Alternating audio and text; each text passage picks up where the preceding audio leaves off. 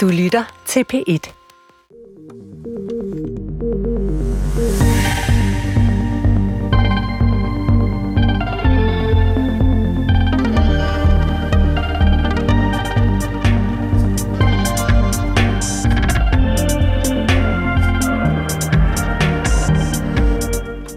Velkommen til Ring til regeringen. Det er mig, Louise Schack Elholm, kirkeminister, minister for landdistrikter og minister for nordisk samarbejde, som tager telefonen og svarer på spørgsmål fra jer lyttere.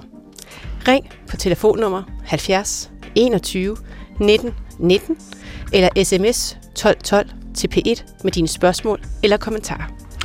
Ring til regeringen er den direkte vej til magten på P1. Du kan ringe med dit kritiske spørgsmål eller kommentar til telefon 70 21 19 19, eller du kan sms'e 1212 til P1. Jeg er verden, der sørger for, at ministeren svarer på det, du spørger om.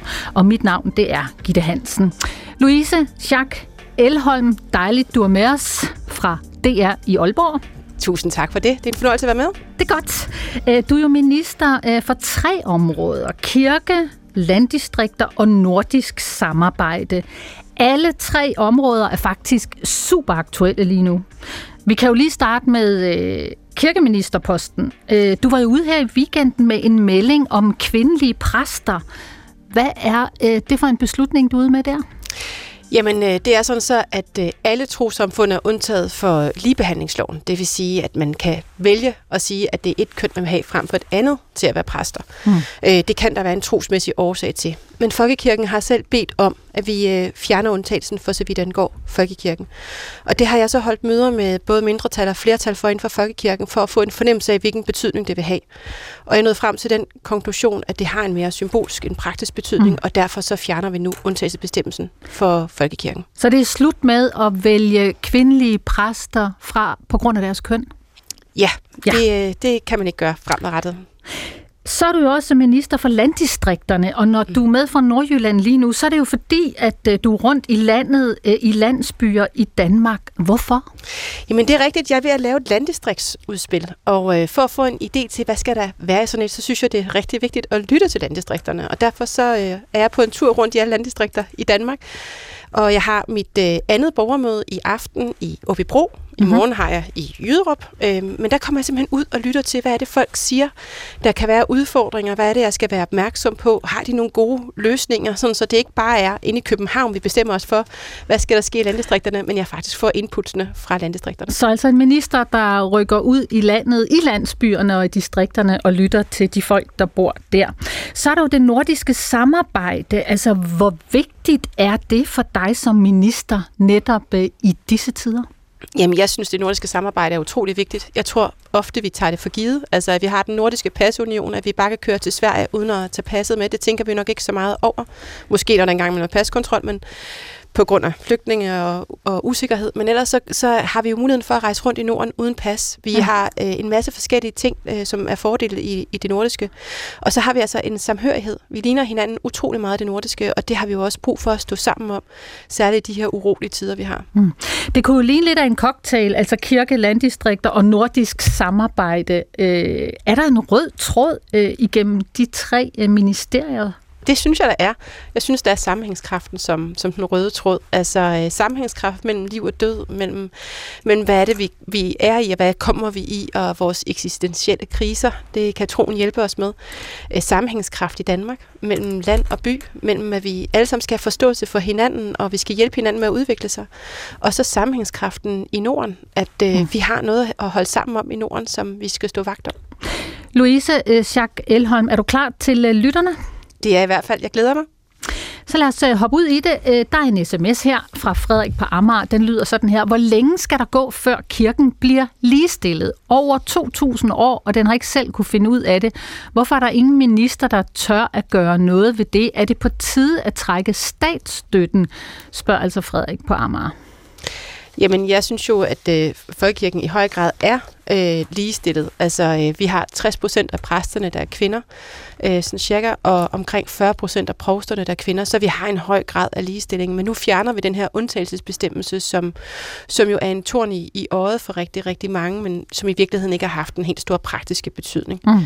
Jeg mener ikke, vi skal fjerne øh, støtten til, til den folkekirken. Folkekirken løser rigtig mange opgaver for os øh, i samfundet. Altså den løser både opgaver i forhold til det rent praktiske med registrering af, af, af, af personer, øh, men den, den løser altså også en kulturel opgave. Altså vi er jo et kristen kulturelt samfund, som er bundet i de kristne traditioner. Og der, der synes jeg, det er rigtig meget værd, vi stadigvæk har folkekirken. Mm. Og det er jo rigtigt, da vi har været inde på det, du var ude med den her nyhed i weekenden. Øh, kvindelige præster har hidtil kunne fravælges alene på deres køn, mm. og det gør øh, regeringen så op med nu. Det er altså slut med at sige nej tak til kvindelige præster alene på grund af deres køn. Var kirken bare alt for gammeldags på det punkt? ja, man kan sige, at alle trosretninger har lov til at, øh, at vælge på baggrund af køn. Det er jo slet ikke alle trosretninger, der har kvindelige prædikanter. Øh, det har man i folkekirken, man har rigtig mange. Øh, jeg tror faktisk ikke, man har været specielt opmærksom på, på bestemmelsen. Øh, og derfor er det også min konklusion, at den har været mere symbolsk værdi end Hvad betyder det mere symbolsk? For hvem? Jamen, det er da klart, at, at der er for nogen er det svært at se for sig, at, at man skal have en kvindelig præst. Og for dem har det haft betydning, at man i princippet kunne vælge øh, at sige, at kønnet havde en betydning. Men i praksis, så har vi ikke set det været anvendt som værende begrundelse mm. øh, i, øh, i noget nævneværdigt omfang. Så derfor så er det nok mere noget, som man har, man har følt sig en tryghed i at have, nærmere end den faktisk har haft en betydning. Altså, øh, du sagde det jo selv, det er jo sådan, at på trods af den her gamle regel, der gjorde det muligt, altså en regel fra 78, 1978 i ligebehandlingsloven, øh, indtil nu at frasortere øh, kvindelige præster alene på grund af deres køn, så er det faktisk sådan, at der er næsten 60 procent af præsterne og over, over 40 procent af provsterne, der i dag er kvinder.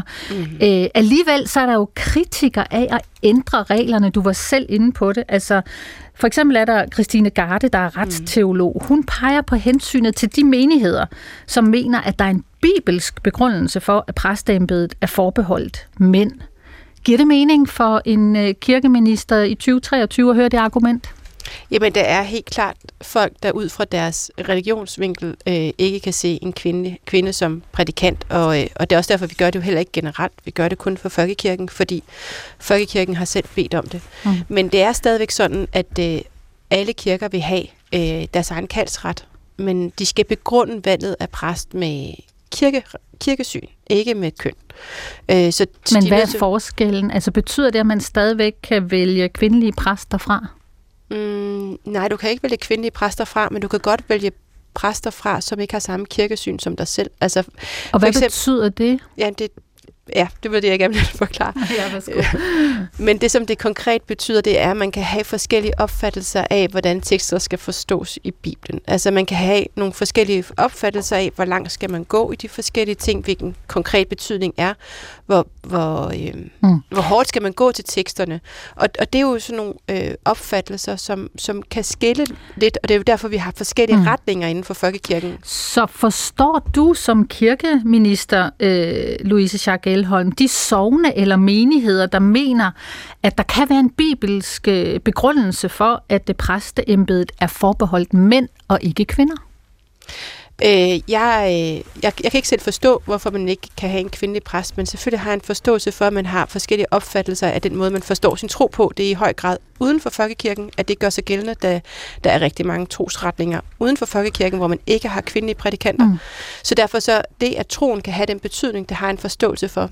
Jeg opfatter det ikke som værende en, en udfordring inden for folkekirken, fordi det er faktisk ikke noget, man har benyttet sig af i noget stort Men omfang. Men betyder det, at man stadigvæk øh, med den lovgivning, vi har i dag, vil kunne afvise kvinder som præster i kirker i Danmark?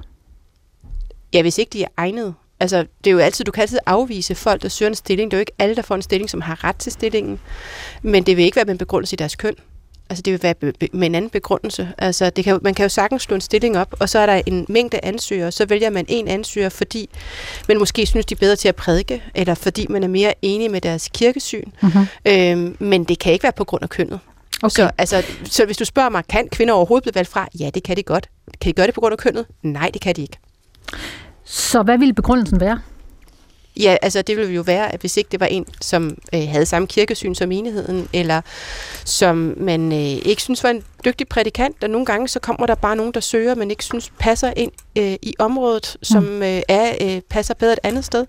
Og det, det vil der jo stadigvæk være muligheden for, for man har stadigvæk kaldsretten, mm. men man vil ikke kunne gøre det på baggrund af køn, man vil kunne gøre det på baggrund af alt muligt andet. Så altså kirkesyn. Ja, så tænker jeg, øh, hvis vi snakker ligestilling i præsteembedet, kommer det så til at gælde alle? Altså også hvis man er LGBT+, altså for eksempel homoseksuel eller transperson. Kan man så blive præst i en dansk folkekirke? Ja, men der findes der homoseksuelle præster i Danmark også. Heldigvis for det. Så der er ingen grænser der? Nej, og vi har heller ikke nogen regler om det. Altså, så Siger du, Louise Jacques Elholm, kirkeminister, øh, minister for landdistrikter og minister for nordiske samarbejde. Jost, goddag. Goddag. Fra Jørgen, kan jeg se. Ja, det er rigtigt. Hvad er dit spørgsmål til ministeren? Jamen, det er, at øh, jeg bor et sted, hvor jeg på 15 minutter kan køre imellem 15 forskellige små landsovne kirke i min 15 år gamle bil.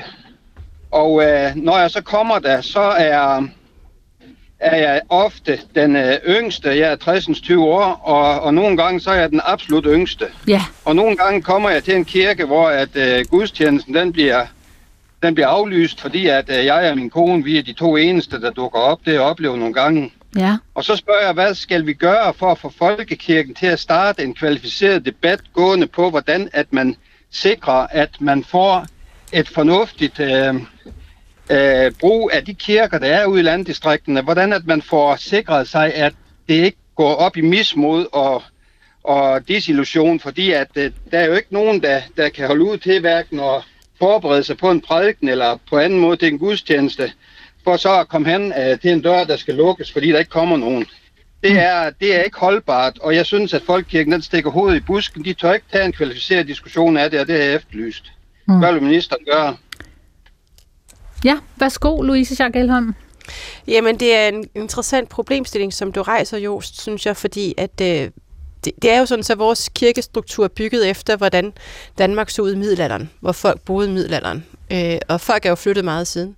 Og det betyder, at i rigtig mange små lokalsamfund, der det sidste der er tilbage, det er jo kirken. Der spiller kirken til gengæld så typisk også en rigtig stor rolle, øh, er facilitator for øh, en masse liv i lokalområdet. Så, så menighedsrådene og kirkerne har en utrolig stor betydning i lokalsamfund. Men, men det er jo meget forskelligt, hvor, hvor meget de bliver brugt, altså hvor mange der kommer i kirkerne, og, og det, det kan man ikke lave sætte på en formel, for det er forskelligt rundt om i landet, hvordan det ser ud. Men jeg forstår sagtens din udfordring og bekymring øh, med det. Øh, men, men da vi har en meget demokratisk og lokalt forankret folkekirke, så, øh, så, så, så vil jeg sige, så, så synes jeg, at det kunne være rigtig godt, hvis, hvis du tog fat i de lokale folk, der, for det er lokalt, vi er nødt til at løse de der udfordringer, og det er der, det starter. Men jeg er godt opmærksom på, at vi har en udfordring, fordi at øh, kirkerne er der, hvor er folk flyttet fra ofte. Okay, Just, det giver det svar mening for dig? Ah, ja, det gør det ikke, fordi jeg har prøvet det. Jeg har prøvet at gå til mit prostivvalg og høre efter, om de ikke vil rejse en debat, sådan en bred folkelig debat mm. på, hvad vi gør.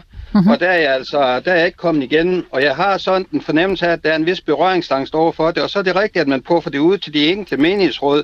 Men hvad skal man gøre, når man sidder som et enkelt menighedsråd, hvor det efterhånden er ældre mennesker, altså de har jo ikke den energi og det overskud til at tage den diskussion. Og det jeg ser, det er jo som, hvad sker der om syv år? Altså jeg ser jo, at når der falder en væk, så kommer der jo ikke en anden og sætter sig på den kirkebænk. Så er der måske kun fem i den kirke hvor der før var seks, og, og så fremdeles. Og Jost, øh, hvis du skulle sige nu, hvad kunne du og din kone ønske jer her og nu for at løse det problem, I møder med øh, aflyste gudstjenester, når I når frem?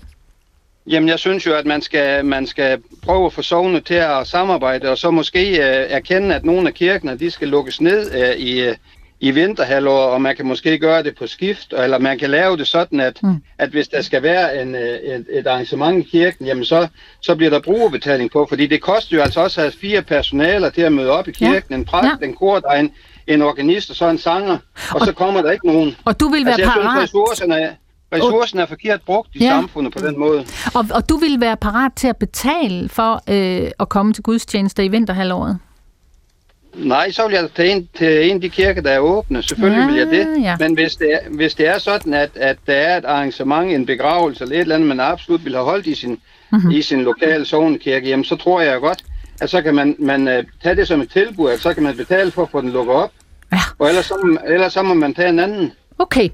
Øh, Louise Schack Elholm, altså egentlig er det jo et spørgsmål, øh, der rammer to af dine ministerier, både mm. kirkeministeriet, men jo også øh, det, at du er minister for landdistrikter, sådan som jeg hørte. Altså to ting. Et, øh, Jost siger, måske er vi nødt til at lukke nogen af kirkerne, for at andre kan holde åbne, selvom det gør ondt.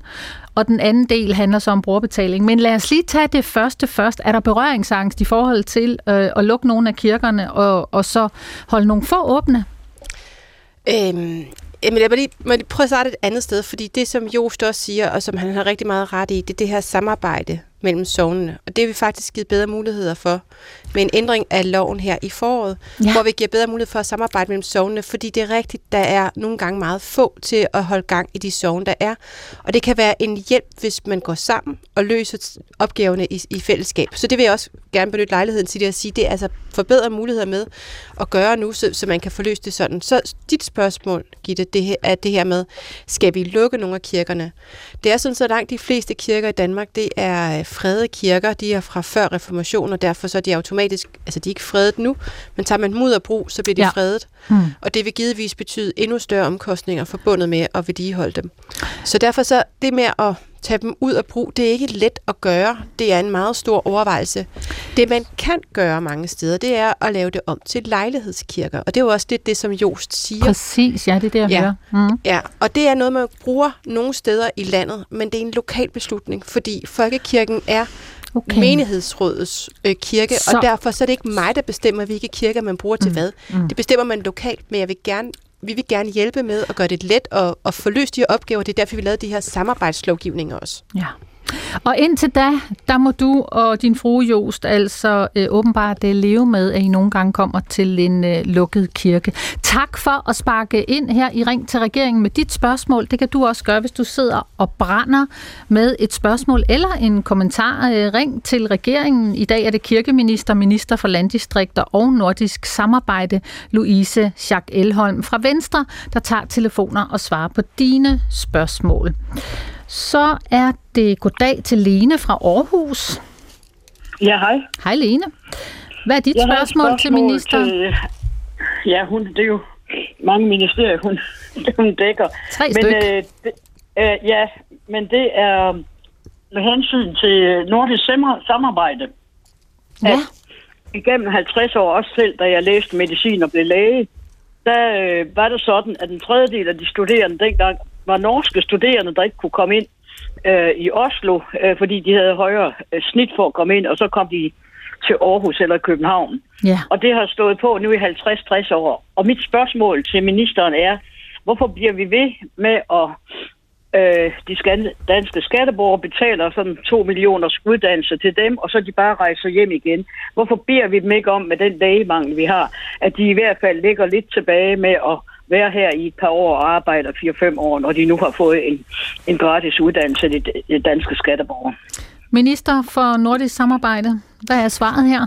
Jamen, det er fuldstændig rigtigt. Tidligere havde vi en udfordring med rigtig mange øh, nordiske studerende på lægestudiet, der optog pladserne fra, for danskerne. Men det har vi faktisk fået ændret på for en, nogle år tilbage, så det er strammet gevaldigt op. Så det er altså slet ikke samme udfordring, som det har været tidligere. Men det er rigtigt, man kan jo studere hinandens lande, øh, og det er jo en ting, vi som sådan hylder. Der er jo også danskere, der tager til Oslo og læser, eller andre steder læser. Og der er også nogen, når de kommer til Danmark, så vælger de at bosætte sig. De forelsker sig, gifter sig og bliver bosættende øh, og, og er arbejdskraft i Danmark. Så det nordiske samarbejde, det er også i forhold til, at vi, vi jo også kan læse hos hinanden. Vi kan også læse i resten af Europa. Men nu det spørger Lene om, altså i en tid, hvor vi mangler mm. sundhedspersonale, hvad med at kræve noget mere til gengæld? Ja, men vi har fået strammet op, så der er ikke den samme udfordring, som der var tidligere i forhold til det. Hmm.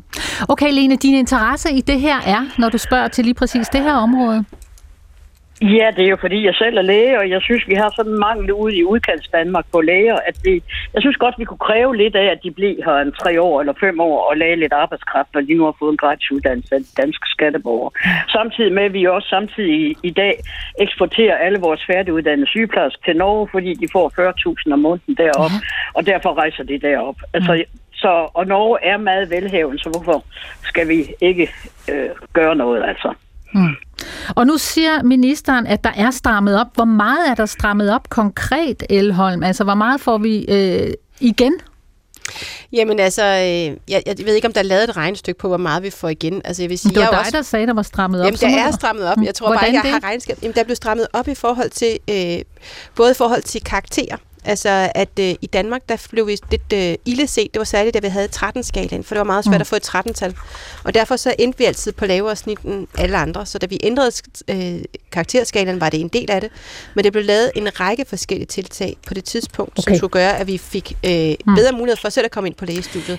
Så kan man sige, der er altså også nogle gange, jeg har også engang blevet behandlet på et sygehus af en norsk læge, som var uddannet i Ungarn. Ikke i Danmark, men i Ungarn. Ja. Øh, så så det, altså, man skal også huske på, at nogle gange så får, kommer folk også hertil med en mm. uddannelse, de har taget andre steder og arbejder. Og vi vil jo også gerne kunne tiltrække folk til at ja. arbejde i Danmark. Lene, inden vi slipper dig fra Aarhus, øh, lad mig lige spørge dig. Nu, nu sagde du selv, du er læge i udkants Danmark, og I mangler læger, øh, I mangler sundhedspersonale. Hvor slemt står det egentlig til, der hvor du færdes? Ja, nu er jeg gået på pension, så ja. men jeg var i læge i næsten 45 år. Uh, altså jeg ved bare uh, fra kollegaer, altså, at de mangler virkelig praktiserende læger i udkants Danmark. Og uh, uh, specielt uh, også på sygehusene i Tisted og, mm. og i, uh, i Nordjylland. Ja. Og, og det, der må de nøjes med jugoslaviske læger eller nogen, der overhovedet ikke kan tale dansk. Uh, en nor- norsk læge kan det mindste nogenlunde forstås af danskere. Lene, tak for øh, at ringe til regeringen her på 70 21 19 19. Det kan du også gøre, hvis du sidder og brænder med et spørgsmål. Øh, så siger jeg goddag til øh, Thomas fra København. Hej. Ja, hej Thomas her. Hej Thomas. Øh, hvad er dit spørgsmål til ministeren? Jamen, det er temaet omkring energiparker, som er ganske aktuelt. Regeringen kører i øjeblikket en uh, høringsperiode, der udløber i morgen. Ja. Vedrørende placering af 32 forskellige parker. Yep. Og der er et par ting, der undrer mig gevaldigt. Ja. Uh, først og fremmest så planlægger man, at det skal kunne servicere 11 millioner husstande. Ja. Der er 2,9 millioner husstande i Danmark. Hvorfor skal vi lave en overproduktion, som vi så kan eksportere, og så kan danskerne rende rundt og kigge på de grimme solcelleparker, mens øh, nabolandene kan købe grøn strøm i Danmark. Det giver ingen mening. Lad os få et svar på det, øh, Louise Jacques Elholm. Man kan sige, at vi, plan, vi har screenet, vi har ikke udpeget, men vi har screenet og fundet øh, 32 områder, der kan være potentielle energiparker. Det leverer, øh, som jeg husker det, omkring øh, en 8. del af det, vi skal øh, have til. Nej, 70 procent af mangoen af det, vi mangler for at firedoble mængden af vedvarende energi på land frem mod 2030, som vi har aftalt at gøre. Mm. Øhm, og, øh, og man kan sige, vi, øh, vi regner med at producere først og fremmest til os selv, men selvfølgelig er det, giver det også en fleksibilitet, at man også kan eksportere energi i øh, en tid, hvor energi også er magt. Øhm, så, så, jeg, så jeg vil sige, at vi er jo en del af et åbent marked, energimarked, mm. og jeg har mm. ikke noget problem med, at vi også kommer til at spille ind i det, men det primære handler der selvfølgelig om at sørge for danskerne.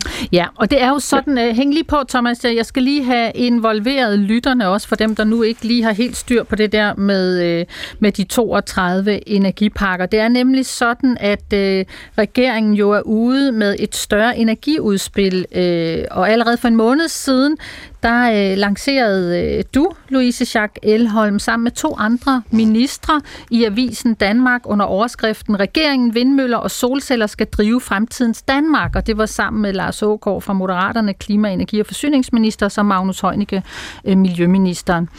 Øh, og øh, det handler så om tre minister, altså et udspil og 32 potentielle energiparker. Og som øh, Thomas rigtig var inde på, så, så er målet jo fire gange mere grøn energi energi fra sol og vind på land, svarende til strøm i 11 millioner huse. Altså, og noget af det, Thomas spørger om, det er jo, hvorfor skal vi overproducere? Hvorfor 11 millioner huse? Jamen, jeg kender slet ikke det tal, som Thomas nævner, derfor har det svært ved at forholde mig til det. Men, men jeg vil sige, øh, vi lægger først og fremmest vægt på, at vi skal kunne forsyne os selv med, med energi. Og, øh, og jeg tror også, vi skal også være klar over, at vi kommer jo til at... Øh, og hvad det hedder, øh, og, og, og omlægge vores varme også til i højere grad også at have brug for strøm i, i forbindelse med varme. Altså når man laver varmepumper og andet, så skal der jo strøm til. Så jeg tror også, at vores energiforbrug kommer til at forandre sig i fremtiden. Så det der med helt præcis at sige, hvor meget energi bruger øh, husstandene, og hvor meget skal vi bruge Men det er jo regeringens eget udspil, at I er ude med de her tal. De 11 millioner. Ja. ja. Det er I. Det er det stensikkert. Ja, helt sikkert. Øh, ja. Du er selv med underskrevet på et tweet. Øh, ja, med 11 millioner. Ja, ja, så må jeg jo stå på mål for det, så vil jeg give dig ret i. Men altså, jeg vil sige, at vi er en del af et globalt energimarked, og energi har en betydning. I øjeblikket får vi vores energi, øh, har vi været nødt til at få det i højere grad fra øh, Norge og på, øh, på alle mulige andre ting. Vi vil jo gerne have, at, at vi får et mere klimarigtigt aftryk, så det ikke er, er øh, fossile brændsler, vi bruger til at skaffe vores energi og vores strøm. Og det skal det her selvfølgelig også være med til at levere, og vi vil gerne også levere til resten af Europa, fordi vi skal jo gerne sikre, at Europa også bliver uafhængig af mm. fossile brændsler. Okay, Thomas, øh, hvad er din interesse i det her? Jamen, jeg har et sommerhus i nærheden af en af de påtænkte 32 placeringer, så, ja. så, så det giver ret god mening. Ja. Øhm, så bliver der noget økonomi. Jeg afleverer i princippet gerne mit sommerhus til den grønne omstilling, hvis man troede og kunne stole på, at man blev kompenseret, så man ikke stod med et tab. Men hjem, jævnfør Krake, Krake Advisories analyser, som jo er på ret højt niveau. Altså tænketanken der. Mm. Tænk, ja, præcis. 75 procent bliver underkompenseret, som det er i dag. Så vil regeringen ganske rigtigt indføre en, en lidt højere kompensation fra 9 til 14.000. Men 14.000 for at have et hus til måske 2,5 millioner, der ikke kan sælges, det er jo, det er jo som et plaster på et åbent vinbrud. Mm. Ja, men der må jeg lige sige, at vi, vi har også en værditabsordning, så du vil have mulighed for, hvis du ligger i umiddelbar nærhed til at kunne øh, få solgt din bolig, sådan så du ikke skal have det tab. Vi forsøger på at kompensere folk for de omkostninger, der er forbundet med det. Vi er godt klar over, at der er nogen, der bliver der bliver berørt af det her. Og jeg vil så også sige, at det, vi har screenet, er ikke nødvendigvis det, der ender med at blive til mm. energipakker. Det er jo derfor, vi har en kommunedialog i øjeblikket. Okay, altså, ja, det, det, det er med på. Altså, hvis jeg lige må sparke ind, Thomas, i udspillet, det ved jeg så ikke, hvor godt du kender i virkeligheden, uh, Louise Jacques jo. Elholm, uh, selvom jeg du kender med... godt udspillet, jeg kan bare ikke huske det. Nej, men der er jo sat uh, det, der hedder yderligere 2,5 milliarder af i kompensation, kompensation lokalt, ikke? Uh, og det er vel noget af det her, der handler om, hvis man uh, bor uh, og kommer til at bo for eksempel, som Thomas med et sommerhus, tæt op mm. af store solcelleparker med de her kæmpe sorte plader, eller nogle af de store vindmøller, så er der noget kompensation. Ja. Øh, altså... Øh, og vi skruer også op for kompensationen. Ja, og I lover også en nemmere sagsbehandling. Hvad er det, du er allermest bange for, Thomas? Jamen det er jo, man kommer galt sted. Man er jo i gang med Halsnæs Kommune, hvor jeg har sommerhus. Der har man jo indmeldt noget uforpligtende, og så har, så har ministeriet, eller, eller, eller hvad vi skal kalde det, myndighederne, ligesom taget det for pågyldende, at vi nærmest har lovet noget. Og ligesom at begynde at tale om tivoli-tur, hvis man har to børn i efterårsferien, så, så har man jo stort set per definition sagt, at vi skal i tivoli. Det er lidt den samme tilgang til det, de har. Mm. Så den screening og dialog, der har været, det har for visse kommuner tilfælde udelukkende været en opstiller, altså en kommersiel øh, operatørs indstilling til et givet område, hvor kommunerne slet ikke engang er blevet involveret øh, og har fået en kæmpe overraskelse. Mm. Så derfor er det et, et, et falsum at sige, at der har været en dialog og en screening. Der i nogle tilfælde er det udelukkende opstillere, som har meldt de her områder ind. Louise Jacques Elholm, er det sådan, at øh, I har lyttet for lidt til øh, de lokale derude, der kommer til at bo øh, sammen med solcelleparker og vindmøllerne på land? Det er rigtig vigtigt at lytte til de lokale, og øh, derfor har vi også tilrettelagt den her proces, så vi har et halvt år til kommunedialogen.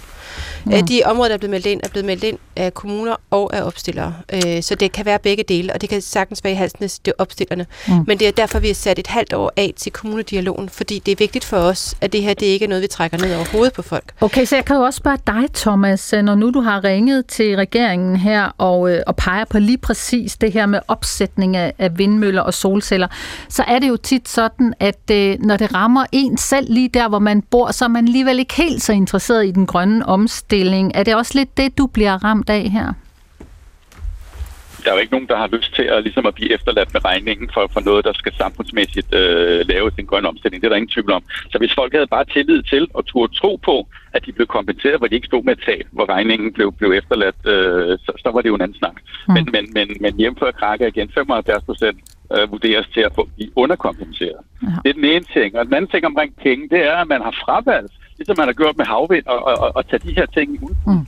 Og der er igen Krakas analyser anslår et samlet provenytab på 30 milliarder øh, kroner. Ja. Det er jo vanvittigt mange penge. Tak, Thomas, for at sparke det ind uh, her i uh, Ring til regeringen og til uh, minister Louise Jacques Elholm, som jo både er kirkeminister, minister for landdistrikter og minister for nordisk samarbejde, og dermed også øh, minister for planloven, som det her jo øh, falder ind under. Så skal vi en tur... Nå, så øh, skal jeg lige her og kigge på skærmen. Der kommer her et spørgsmål, der lyder sådan her. Jeg er en ung kvinde på 22. Jeg betaler gerne min kirkeskat, men jeg mener principielt, at vi i et moderne vestligt samfund burde have adskillelse af kirke og stat. Har ministeren en holdning til, om denne debat snart er moden til at blive taget op? Og hvor står hun på det spørgsmål? Venlig hilsen Nina Simone. Ja, jeg går ikke ind for en adskillelse af kirke og stat. Jeg synes, at vi er meget sammenflettet i Danmark. Øh, vi har været et kristent samfund i utrolig lang tid. Over 70 procent af danskerne er medlem af Folkekirken. Det er meget højt i forhold til andre lignende lande. Og, og over 70 procent af danskerne har været i berøring med Folkekirken inden for det seneste år. Øh, og på den måde så ser jeg egentlig, at vi har en stadigvæk en god begrundelse for, at vi har det forhold, vi har mellem kirke og stat. Det er nemlig med til at sikre, at vi holder politikken ude af folkekirken. Og, øh, og det gør det til en folkekirke for os alle sammen. Øh, og det synes jeg er rigtig positivt. Og så kan man sige, at folkekirken har også en del af vores store kulturarv, i og med, at det er folkekirken, der ejer alle de smukke gamle øh, landsbykirker, som ja. så også giver lidt udfordringer nogle steder lokalt for mm-hmm. at skulle vedligeholde det, når man ikke er så mange mennesker til at betale for det. Men det er faktisk Folkekirken som, og Folkekirkens medlemmer, der betaler for vedligeholdelsen af de her bygninger. Så jeg synes kun, det er rimeligt, at øh, der er et godt øh, samarbejde og et, et forhold imellem kirke og stat i Danmark.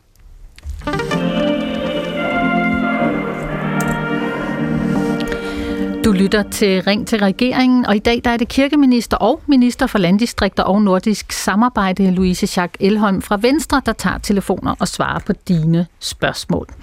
Goddag, Anders. Goddag. Fra Fjaltring? Ja, Ja. det er rigtigt. Plot lige det Ja. ind på landkortet, øh, for de, der ikke lige helt er med. Ja, det er jo ellers Jyllands hovedstad. Ja, det er det, jeg ved. vi, ligger, vi ligger helt ude til Vesterhavet, og vi ligger sådan cirka 17 km sydvest for Lemvig og 40 km vest for Holstebro. Er der en kirke i Fjaltring? Det er der bestemt, men det er nu ikke den, jeg vil tale om. Hvad er dit vil gerne- spørgsmål til jeg vil- ministeren? Jamen, jeg ikke, det er jo, der er mange spørgsmål i virkeligheden. Jeg må prøve at koncentrere lidt. Vi har jo statens prøvestation øh, for store vindmøller, den ældste prøvestation, vi har i Danmark. Ja, Den har vi jo liggende ganske tæt på vores landsby. Ja. Og det har været, det har været noget af en grov nabo. Og vi er jo ellers pionerer her i Fjaltring. Vi har været for 40 år siden rejst vi de første møller.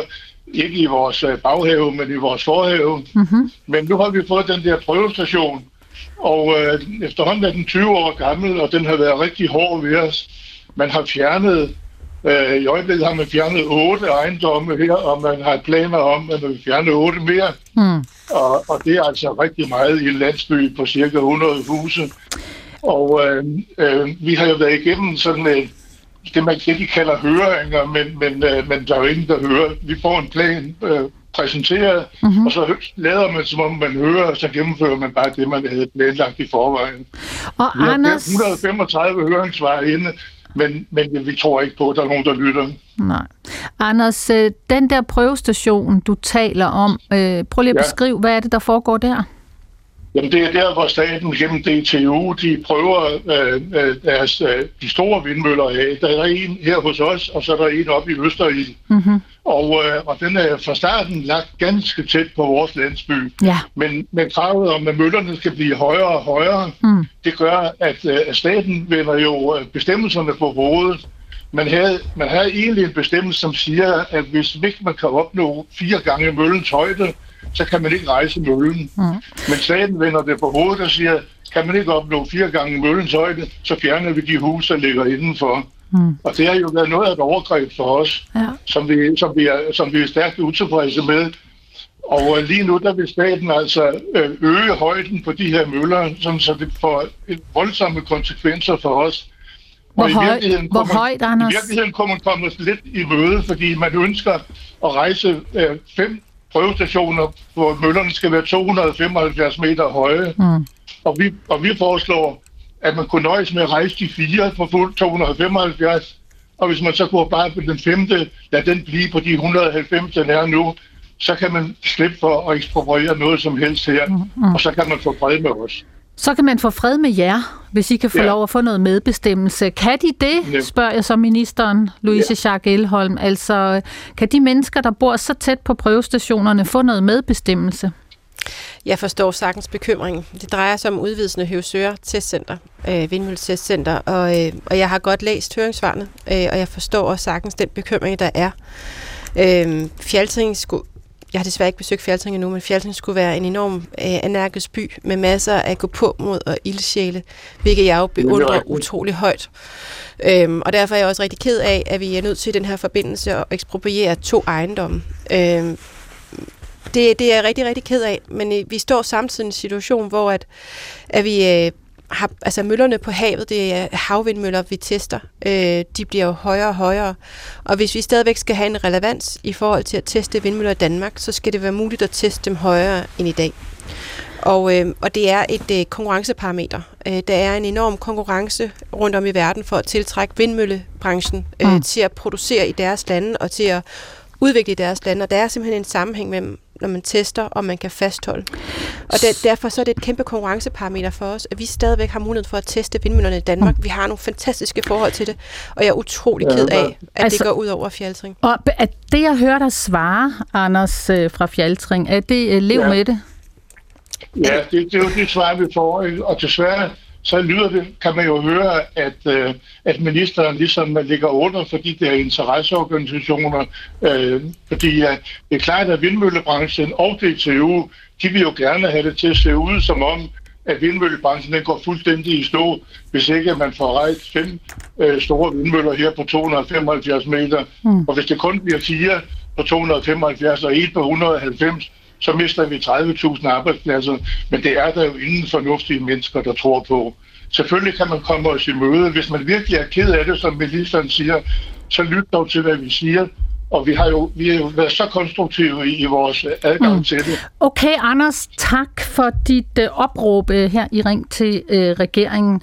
Jeg uh, siger uh, nu goddag til Johannes, og vi skal til Skanderborg.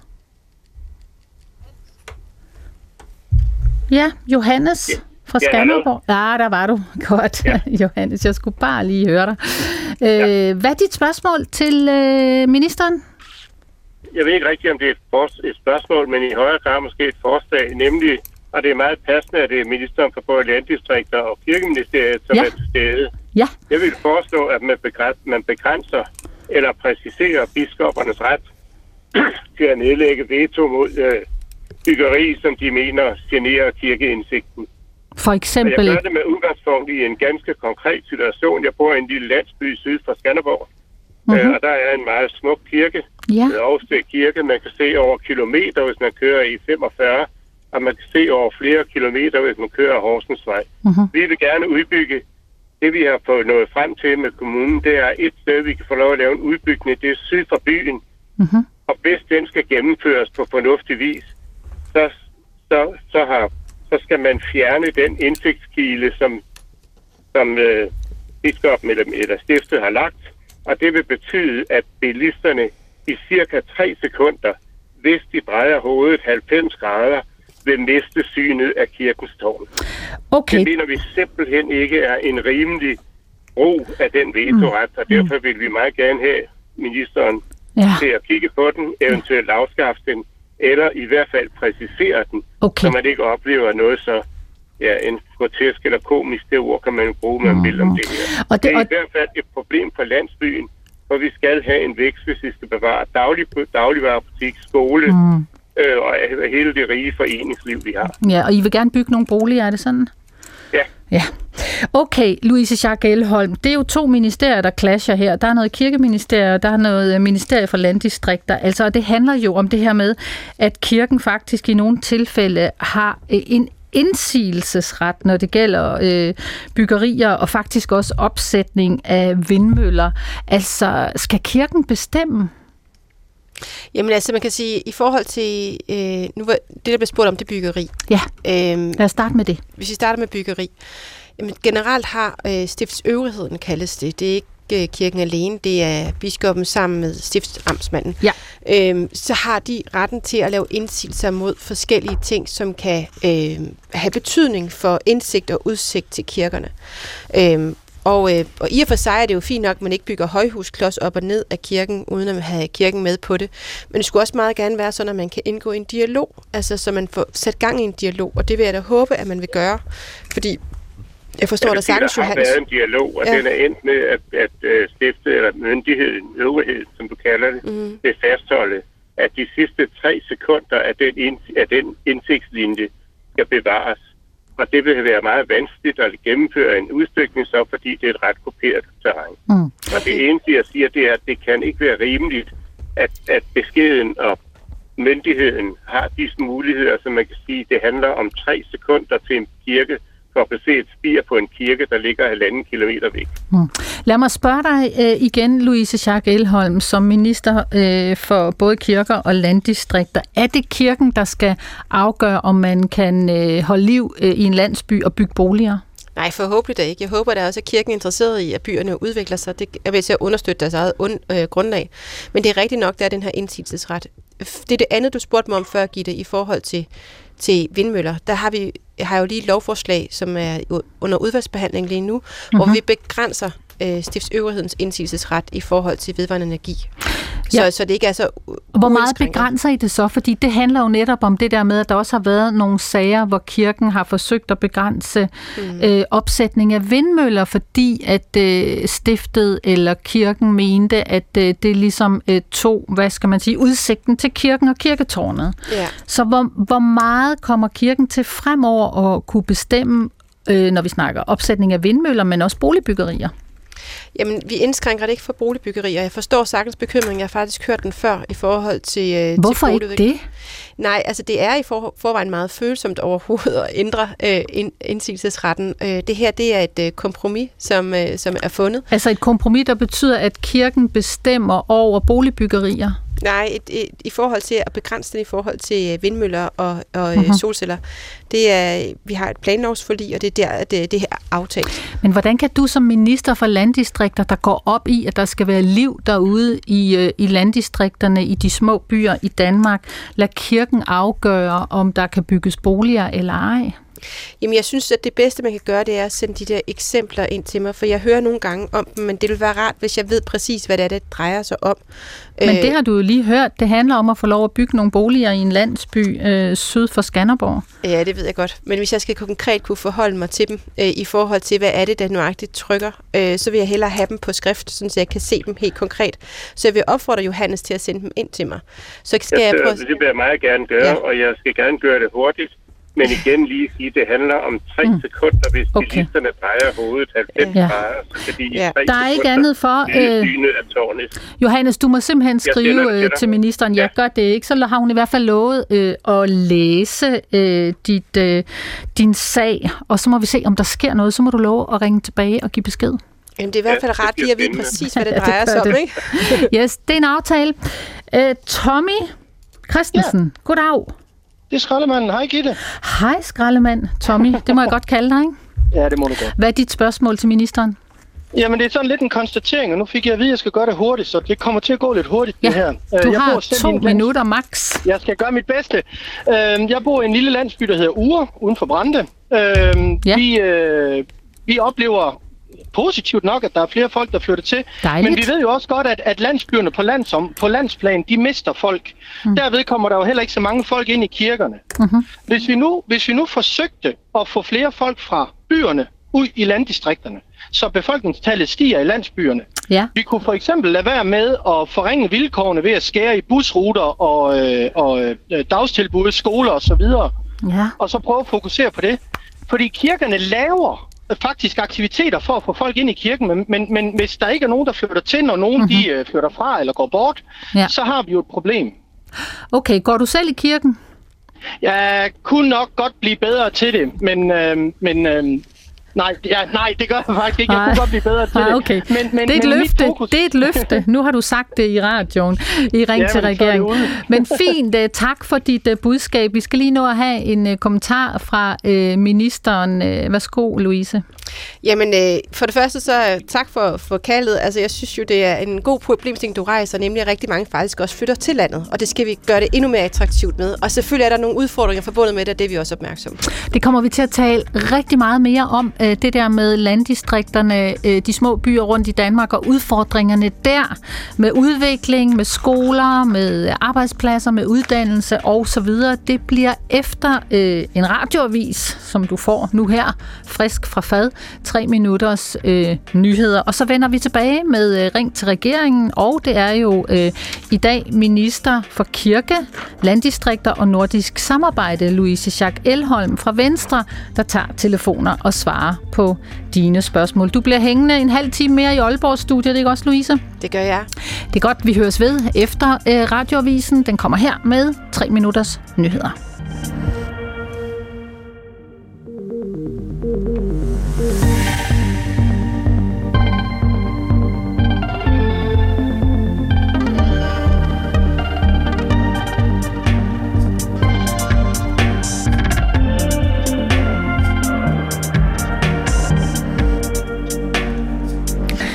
Velkommen til uh, Ring til regeringen og til dig, kirkeminister, minister for landdistrikter og nordisk samarbejde, Louise Jacques Elholm. Du er med os fra Aalborg, Louise.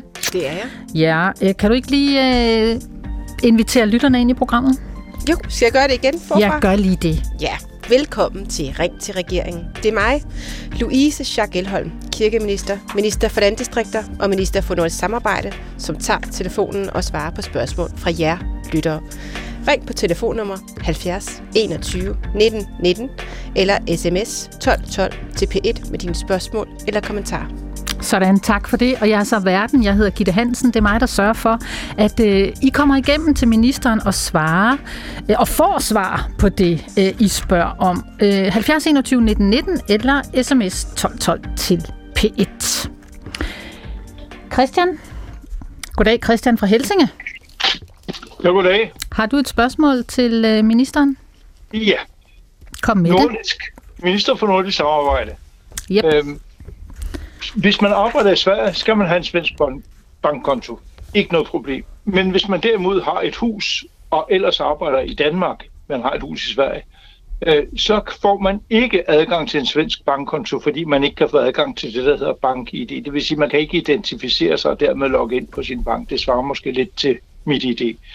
Så mit spørgsmål til ministeren i den anledning er, om ministeren har konkrete, aktuelle planer om i samarbejde med de svenske myndigheder at få ændret på den tilstand. Ja, Louise Jacques Elholm, hvad er svaret til Christian? At det arbejdes der faktisk på i øjeblikket. Øh, det er sådan så, at det er faktisk en europæisk forordning, øh, der siger, at man skal kunne bruge sit, øh, sit MIDI-ID, altså sit EID i andre lande. Vi har implementeret det i Danmark, og så vidt jeg ved, så arbejder de på at gøre det samme i Sverige. Og jeg tror, at resten af Norden vil også følge efter. Så, så det er noget af det, der bliver arbejdet på, så det er bare ikke faldet helt på plads, men det skulle gerne være på vej. Det lyder som om, Christian, du har fingeren på pulsen. Der er noget på vej. Øh, har du hus øh, i i Sverige selv? Jo, og øh, det har været og er fortsat et stort problem, som igen og igen er blevet affaldet på samme måde, som ministeren her gør det ved at henvise til EU-forordninger og ting, der er på vej. Og det var derfor, mit spørgsmål blev sådan meget direkte, om der var konkrete aktuelle planer om at forhandle med de svenske myndigheder om at ændre det her. For de svenske myndigheder, og især de banker, der administrerer reglerne, mm-hmm. lader ikke til at ville følge nogle EU-forordninger på det punkt. Det var godt, du holdt fast, Christian. Vi spørger lige igen. Øh, ministeren, øh, er der noget konkret på vej? Ja, altså det er de opdaterede oplysninger, jeg har. Øh, jeg kan jo ikke styre, hvordan, hvor hurtigt man arbejder i Sverige, men, øh, men vi spørger dem jo løbende. Øh, og jeg har løbende møder med min svenske kollega, fordi vi har et særligt samarbejde Danmark og Sverige mellem Øresundsarbejdet, mm. hvor vi kigger på de grænsehindringer, der er. Vi er jo nok nærmest den mest integrerede region i, i Norden. Altså, Norden har en ambition om at blive den mest integrerede region i, i verden, og Øresundsregionen er nok det mest integrerede område i Norden. Men der er stadigvæk mange grænsehindringer, og derfor så mødes vi faktisk halvårligt og, og snakker de her ting igennem. Så jeg er løbende i dialog med den øh, svenske minister omkring de forskellige udfordringer, og opdateringen er, at det her det er noget af det, man arbejder på. Det blev det svar, du fik i dag i Ring til regeringen, Christian fra Helsinge. Så skal vi en tur til Roager og sige hej til Jesper. Goddag. Goddag, Jesper. Roager, plot det lige ind på landkortet. Ah, det er godt nok Broager, det er nede ved Sønderborg. Ah, Broager, ja, ja, okay. Ja. Så er vi i Sønderjylland. Ja. det er vi i hvert fald. Ja, er det der, vi siger morgen, eller hvordan? Det gør vi i hvert fald, det gør vi i hvert fald. Og det er måske også lige så meget det med, at vi har noget kirke her, vi, Jeg synes, vi har noget flot kirke, det er jo ikke det, og, og måske også det der med, at vi hører måske heller ikke ret mange, der siger, at vi skal spare på, på kirkeposten som sådan, og kan vi gøre nogle reformere mm. øh, hvad skal man sige, kirken sådan, så det bliver et sted, hvor vi også skal øh, forsvare, at vi hælder nogle penge efter noget, der, ja. der i princippet ikke kan, kan gøres op i med, med børnepasning og ældrepasning, okay. eller, eller nu er jeg jo selv frivillig brandmand, og vi har gamle biler i, i mange af vores stationer, de er jo 20 år gamle lastbiler, men øh, brandbiler, og de skal stadig fungere. Gør det sådan set også, for de kører ikke ret mange kilometer, men princippet er i, mm. At øh, vi har en kirke, hvor der kommer mange folk, men vi har nogle steder, hvor der kommer rigtig mange, der skal bruges til hverdag, og ja. så kan vi så skal vi i hvert fald have en pæn kirke kigge på, men vi skal ikke have men vi skal ikke have noget, der fungerer de andre steder. Okay, så altså, du ja. vil gerne flytte nogle penge fra folkekirkerne til folkeskolen, og måske til nogle af brandbilerne, der hvor du er frivillig ja, brandmand? det vil nok ikke gøre noget der. Nu er det jo kun udskudt uh, nu vores biler. De skal nok først til på år, men det går måske over 4 eller 5, 6 år ind i mm. udskiftet. Ja. Og den, den er fra 99, den første. Lad os så, høre, øh, ja. hvad ministeren har at sige. Altså, uh, Louise Schack Enholm, her er en mand uh, fra Sønderjylland, som siger, kunne vi ikke godt uh, hente nogle penge fra øh, vedligehold af de her øh, kirker, der alligevel står ret tomme, og så bruge det på for eksempel folkeskoler og brandbiler? Jamen altså, først og fremmest vil jeg sige, at øh, den lokale kirkeskat er fastsat af menighedsråd og kommunalbestyrelse. Øh, så man kan altid komme ind og gøre sine hold, holdninger gældende gennem det demokratiske system der også. Men samtidig med det, så vil jeg også gentage, at mange af vores kirker, jeg forstår godt frustrationen, men mange af mm-hmm. vores kirker er jo faktisk meget bevaringsværdige, fordi de er middelalderkirker. Og derfor er der nogle ret restriktive regler til, hvordan de skal vedligeholdes. Altså man kan ikke bare bestille en tømrer til at ordne et vindue, man skal have Nationalmuseet ud og vurdere det. Og, altså, så det er, det er en helt anden liga. Det er jo som regel den ældste bygning i byen, det mm-hmm. er kirken. Øh, så der er bare nogle øh, rammer, der gør, at det, det er nogle lidt andre regler, der gælder typisk for kirker, men, derfor så meget andet. Hvis jeg spørger dig som venstrekvinde, altså Louis Louise, hvad er vigtigst for dig, øh, folkeskole eller folkekirker? Og så tror jeg ikke, jeg vil synes, du kunne gøre det op. Altså, fordi at jeg synes jo, begge dele er vigtige. Jeg synes, det er vigtigt, at du har en folkekirke, men det er også vigtigt, at du har en folkeskole. Og økonomisk så hænger de to ting overhovedet ikke sammen. Øh, så derfor synes jeg heller ikke, vi skal til at slå dem sammen. Mm. Øh, Folkekirken bestemmer selv over deres penge i høj grad. Øh, det er de indstillinger fra dem, der gør, hvordan jeg udmyndter fællesfonden. Og ellers så deres egen penge bestemmer de sådan set selv over. Så det er en pengekasse for sig selv. Og mm. så er der selvfølgelig hele fælleskassen, hvor vi skal prioritere velfærd. Og det er jo faktisk også noget, det vi forsøger med 2030-planen, hvor vi sætter af til det demografiske træk. Så øh, Jesper fra Broager, altså det er så det svar, du får her fra, fra en minister, altså øh, kirkerne har deres egen økonomi, det piller vi ikke ved, og så er der lavet en 2030-plan, og der er nogle milliarder til mere velfærd. Ja, men det må vi så håbe, det kan blive brugt, og ikke blive brugt alligevel, hvis det ikke går til brandbilerne. Men uh, ja. ja. Godt. Godt. Jesper, øh, tak for tak. at øh, ringe til regeringen på 70 21 19 19. Så skal vi en tur til Mads i Stor Mærløse. Goddag, Mads. Goddag.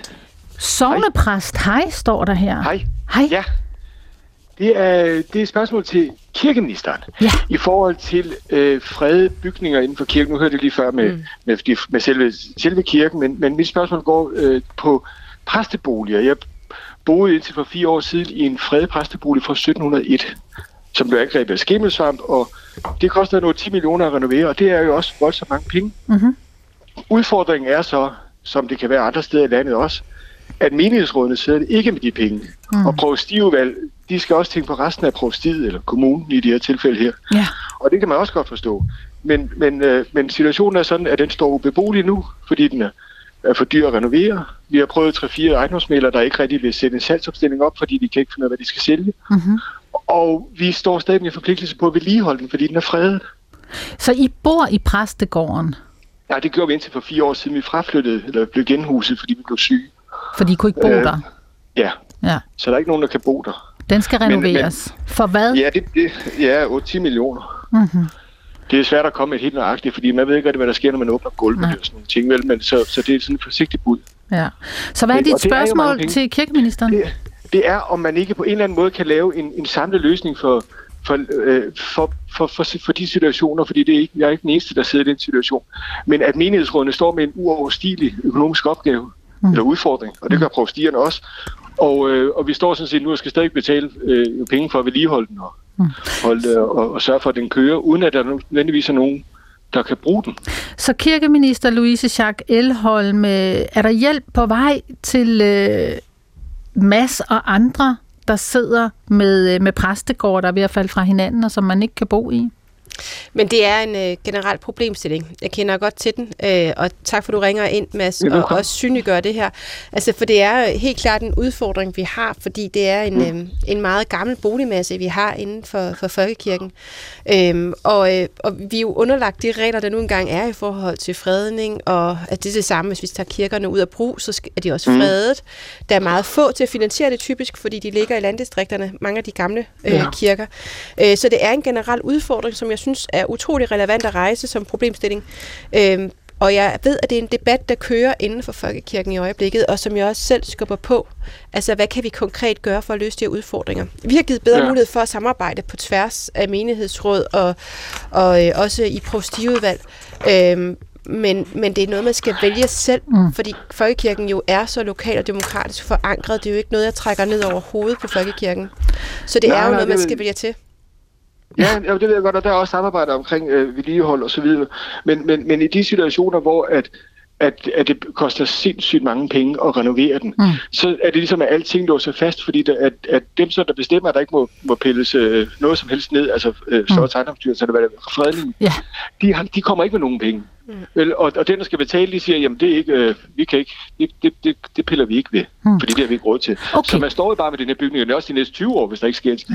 Ja. Og, og det er jo rigtigt, uh, Louise Jacques Elholm, altså uh, hvis ikke der sker en skid, som uh, Mads siger her, sovnepræsten, så Altså, problemet forsvinder jo ikke. Det bliver vel kun værre om 10, 20, 30 år. Så skal der sendes nogle penge efter de her gamle præstegårde? Altså, jeg tror, der er god brug for den her debat i det hele taget i Folkekirken, for det er en udfordring, som I siger, der bliver endnu stærkere. Øh, og jeg er godt bekendt med den. Jeg tror ikke, der er en let løsning på det, fordi vi kan jo heller ikke sige, at man bare kan hive øh, bevaringsværdige bygninger, fredede bygninger ned. Eller, altså, vi er jo nødt til at lave en afvejning af tingene. Mm. Men, men det er jo ikke ens betydende med, at det ikke er fuldstændig korrekt, at der er de udfordringer. Øh, men jeg tror, det er vigtigt, at vi har debatten i Folkekirken, så vi også får, finder en løsning, som alle kan se sig selv i.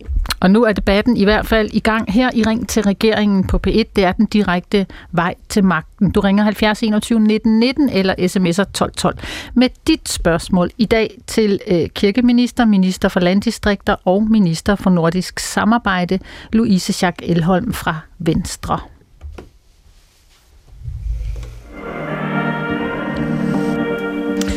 Der kommer nogle sms'er ind på skærmen her til dig, øh, Louise, der står her. Solceller i naturen i stedet for på tage. Hvorfor ønsker regeringen at plastre landdistrikterne og vores dyrebare natur til med solceller i energiparker til gavn for kommersielle interesser, før man har inddraget statens og kommunernes tagflader og lignende industrielle eller bynære områder? Hvorfor klima på naturens bekostning? Venlig hilsen, øh, Johan Rauf. Altså, det er jo noget, som jeg hører øh, folk tit spørge om. Når man kører rundt i det ganske land, så ser man jo solcelleparker, der dukker op rundt omkring kæmpe områder med de her store sorte plader, og nogle steder så går der så for og græsser nedenunder. Øh, altså, jeg ved ikke med dig, har du selv lyst til at bo øh, nabo lige op og ned af sådan en solcellepark der? Nej, jeg er også ved at arbejde på en bekendtgørelse, så man ikke kan bygge det klods op og ned af folks hus. Så, øh, så vi er i gang med at kigge på det her, fordi selvfølgelig så skal man jo også have nogle, nogle rettigheder, øh, når man bor ude i naturen. Man har jo mm. valgt at bosætte sig, fordi der er smukt og dejligt, øh, masser af natur. Og så er det jo ikke helt det samme, hvis de pludselig står solsæt op og ned af ens... Øh, ens Men det der med, skal... at vi har bygninger overalt, altså hvorfor ikke øh, noget lovgivning, der siger, at der skal bare solceller på alle hustag, øh, fabriksbygninger, skoler, offentlige bygninger, osv. Så var de væk fra marker og grønne områder, og så sad de op på hustagene. Ja, hvis bare det kunne løse det. Men så vidt jeg husker, så er det omkring 4-5 procent, det kan dække vores, øh, vores, for, vores behov øh, i forhold til energi. Så vi kan ikke løse det den vej igennem. Og det er muligt at sætte solceller op. Vi, vi, øh, vi påbyder det bare ikke. Men man kan sætte solceller op, og det synes jeg er positivt, man gør det oven på tage i så vidt muligt omfang. Mm. Øh, men det kan simpelthen ikke løse de udfordringer, der er.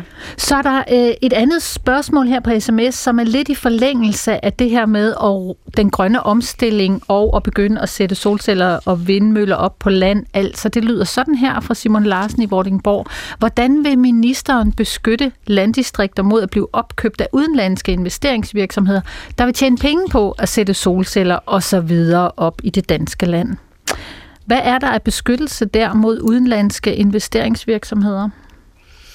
Jamen, man må godt have en virksomhed i, øh, i Danmark. Vi kan jo også se, at vi har også fået store øh, hvad det hedder, datacentre i Danmark, som jo heller ikke er dansk ejet. Altså, det er jo ikke ulovligt for, for udlandske virksomheder at, at arbejde øh, eller at eje virksomheder i Danmark. Danskere ejer også øh, mm. solcelleparker mm. i Italien. Men nu handler det jo om, øh, spørgsmålet går på, hvordan beskytte landdistrikterne mod at blive opkøbt af udenlandske investeringsvirksomheder, der går ind og køber gårde, huse og marker op, øh, udelukkende for at tjene penge på at sætte solceller op. Er der nogen beskyttelse i lovgivningen der? Jamen altså, vi laver den her bekendtgørelse, som skal beskytte i forhold til dem, der bor i nærheden. Altså sætte en begrænsning på, hvor langt hvor tæt på må du lave øh, solceller på beboelse. Og så, så skal de så vidt muligt gerne lave, lave, altså lave hegn rundt om, altså sådan levende hegn. Øh, altså lave noget bevoksning rundt om, så man ikke kigger direkte på dem. Øh, og det er jo nogle af de ting, man gør for at sikre sig, at det stadigvæk er attraktivt at bo i landdistrikterne, at det ikke kommer til at skæmme udsigten fuldstændig.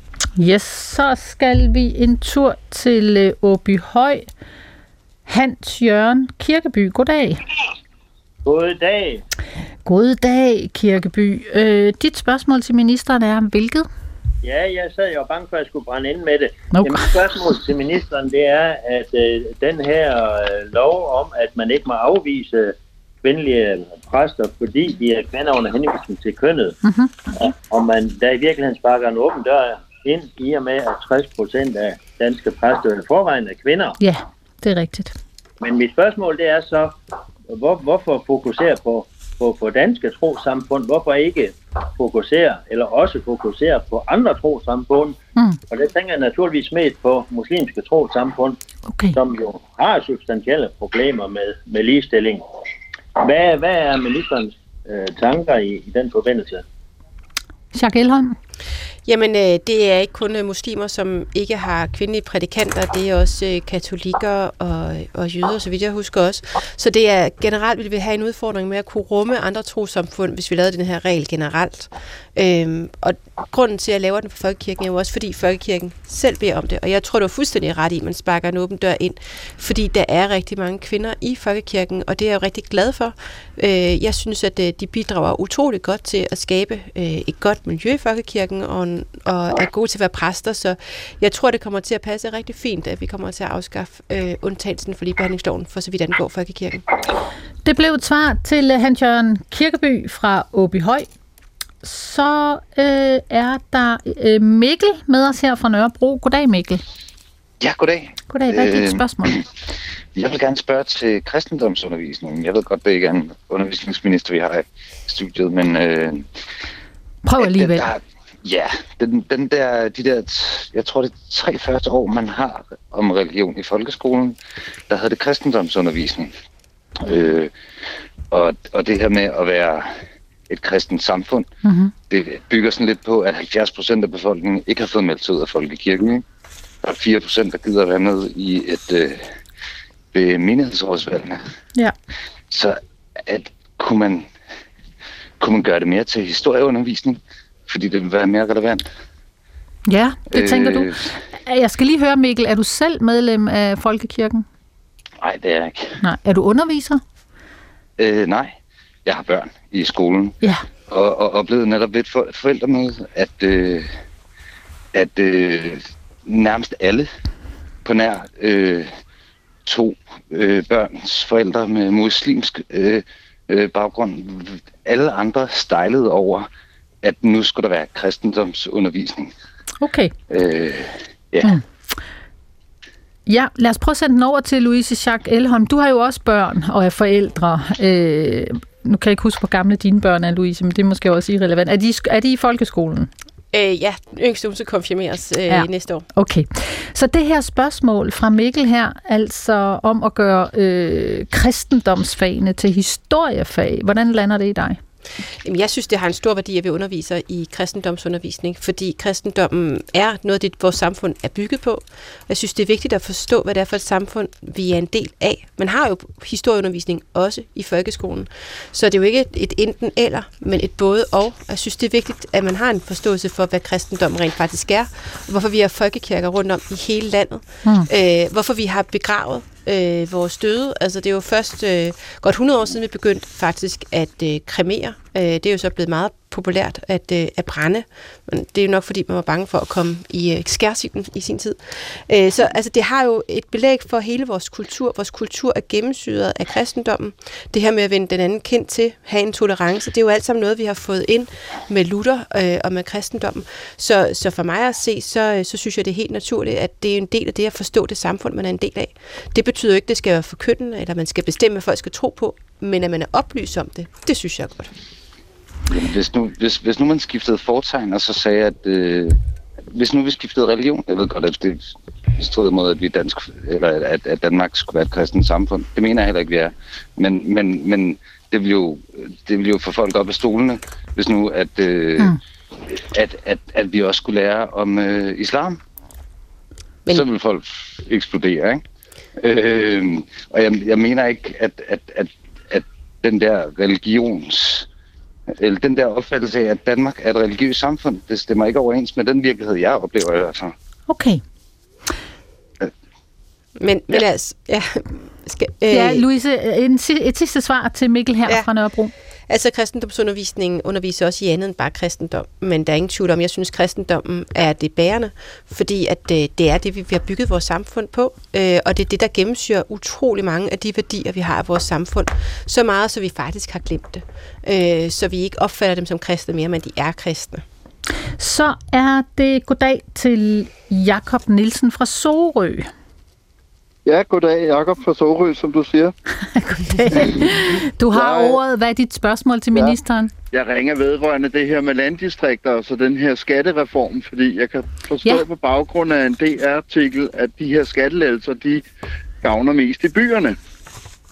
Og, og den logiske konsekvens er jo så, at de pensionister, der bor i landdistrikterne, de er jo blevet udhulet i indkomst igennem de sidste år på 16 Øh, så hvordan vil man bevare de her landdistrikter, når man ændrer mm. på de her indkomstforhold?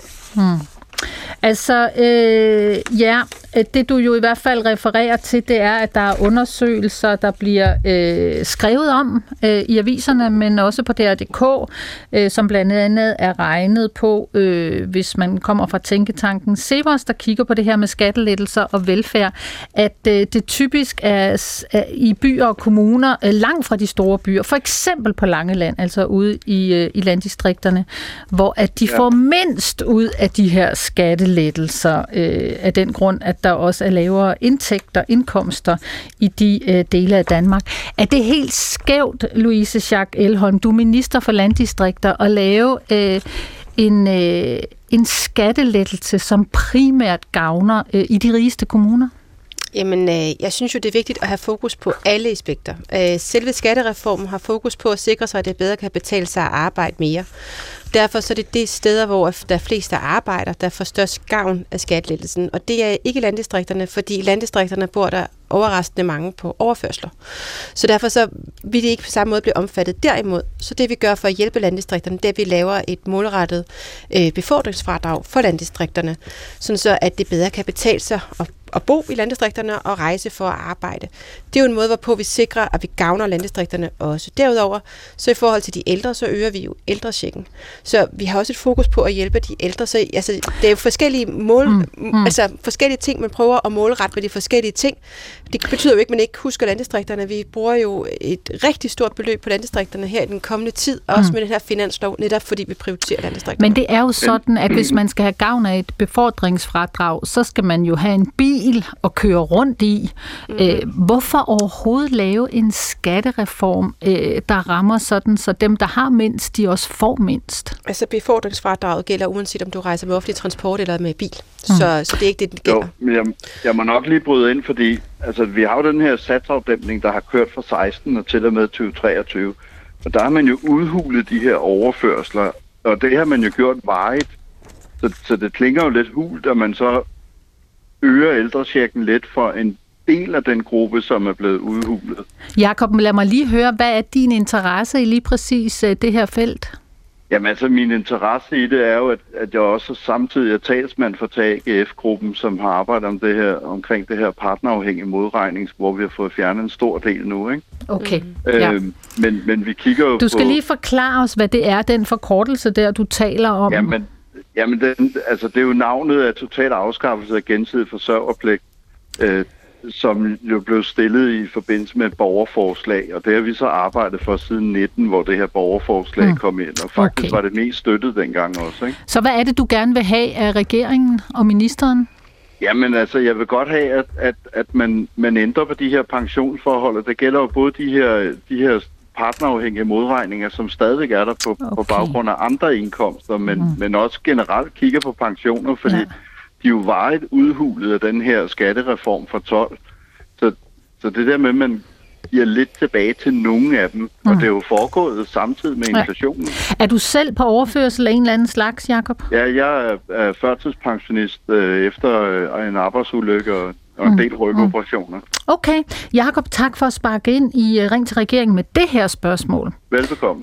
Så vender jeg mig øh, lige mod dig igen. Øh, I Aalborg, jeg har dig på en skærm her, Louise Schack Elholm, øh, som minister for landdistrikter. Det er jo meget relevant, det her. Altså, du er selv inde på det. Der bor en del mennesker på overførelsesindkomster øh, ude øh, rundt omkring øh, i Danmark, øh, i de mindre byer.